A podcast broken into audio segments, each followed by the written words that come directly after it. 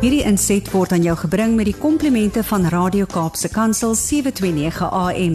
Besoek ons gerus by www.cape pulpit.co.za. Dag sê luisteraars. Dis weer ek Erika Retoy vanaf die Wes-Kaapse Vereniging vir persone met gestremthede. Ek is onlangs genooi om by 'n menseregte forum te praat oor die onderwerp hoofstroming van gestremdheid. So ek het gedink ek sal die inligting ook met u as luisteraars deel. Voordat ons verder gaan, moet ons eers verstaan wat die term hoofstroom beteken. Volgens die Wetskrif oor die regte van persone met gestremthede word hoofstroom gedefinieer as werk daaraan om gelykheid te verseker wat behels die uitskakeling van hindernisse wat mense met gestremthede verhinder om binne die samelewing of werkplek deel te neem. Nou moet ons vra wat is insluiting? Weereens, die Wisskrif sê insluiting is 'n mensereg wat daarop gemik is om die diversiteit van alle mense te respekteer. Dit is gelyke toegang en geleenthede. Dit is die uitskakeling van diskriminasie en onverdraagsaamheid teenoor almal. En dit is ook respek en waardering vir wie jy is en 'n gevoel van om te behoort. Dit is 'n stelsel veranderingsmodel. Dit vereis dat die stelsel die omgewing of die omstandighede verander om by die individu te pas en nie andersom nie. Om dit anders te stel, insluiting beweeg weg van die besonderheid van mense. In Engels praat ons van special needs. Dit beweeg weg daarvan na die samelewing se vermoë om op 'n wye reeks individuele verskille en behoeftes te reageer en is die uiteindelike doelwit van hoofstroom. In Engels praat ons van inclusion. Kom ons gaan nou terug na die definisie van hoofstroom wat praat van die uitskakeling van hindernisse. Watter hindernisse is hierdie en hoe lyk dit?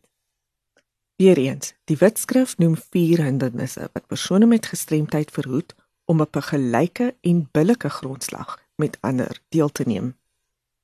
Die eerste is 'n fisiese hindernis of die omgewing en dit kan geboude omgewing wees soos trappe en deure, gange wat miskien nie wyd genoeg is nie, ontvangstoonbanke of byvoegings soos deurklokkies, beligting, sitplekke en so so aan.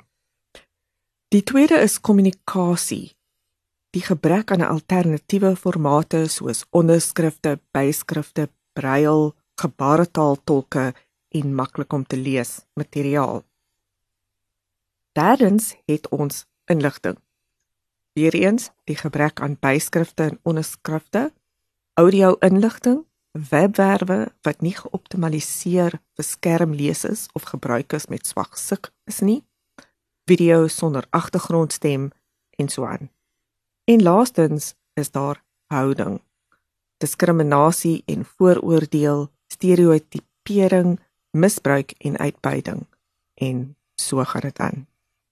Nou dat ons weet wat insluiting en hoofstroom beteken en wat 'n struikelblokke lei tot uitsluiting van persone met gestremthede, kan ons kyk na beste praktyke om persone met gestremthede in die alledaagse lewe in te sluit. Sommige hiervan is om verseker 'n regsgebaseerde benadering. Gestremdheid is 'n menseregte kwessie. Dit is 'n konsep wat deur die samelewing opgelê word wanneer iemand met 'n verlies toegang tot volle deelname aan alle aspekte van die lewe geweier word en wanneer die samelewing versuim om die regte en spesifieke behoeftes van persone met gestremthede te handhaaf. As die samelewing dan persone met gestremthede insluit, sou gestremdheid as 'n konsep glad nie bestaan nie. Tweedens, gebruik persoon eerste terminologie. Persone met gestremthede is mense. Hulle het wel 'n verlies of 'n diagnose, maar dit is glad nie belangriker as die feit dat hulle eerstens mense is nie belyn met die Verenigde Nasies se konvensie oor die regte van persone met gestremthede en Suid-Afrika se wetskrif.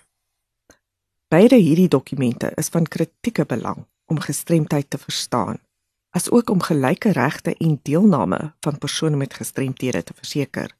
Hulle kan en moet gebruik word om die regte van persone met gestremthede te bepleit wanneer diskriminasie ook al voorkom. 4de implementeer Suid-Afrikaanse wetgewing. Nou ons weet almal dat Suid-Afrika een van die mees progressiewe grondwette ter wêreld het wat gelyke regte vir alle Suid-Afrikaners beskerm. Maar dit beteken niks as dit nie geïmplementeer of afgedwing word nie. Vyftens voorsien redelike akkommodasie. Redelike akkommodasie is 'n instrument om billike deelname op baie vlakke te verseker, insluitend werkplekke en opvoedkundige instellings en moet volgens wetgewing toegepas word. Dit is 'n opdrag en nie 'n versoek nie. En laastens, konsulteer met die gestremdheidssektor. Wie ken die geleefde ervaring van persone met gestremthede beter as hulle self en die mense wat hulle ondersteun? Persone met gestremthede moet ingesluit word by alle besluitneming en beleidontwikkeling wat hulle raak. Daar is baie kennis binne-in die gestremdheidssektor en ons vra net dat ons gevra is om te help en insette te gee.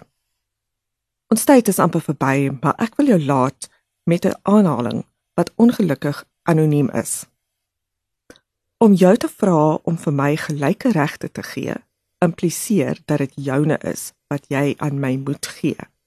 In plaas daarvan moet ek eis dat jy ophou om my die regte te weier wat alle mense toekom. Nou ja, stuur gerus enige navrae of kommentaar aan my by awareness@wcapd.org.za of skakel my kantoor by 021 355 2881. Hierdie inset was aan jou gebring met die komplimente van Radio Kaapse Kansel 729 AM. Besoek ons gerus by www.cape pulpit.co.za.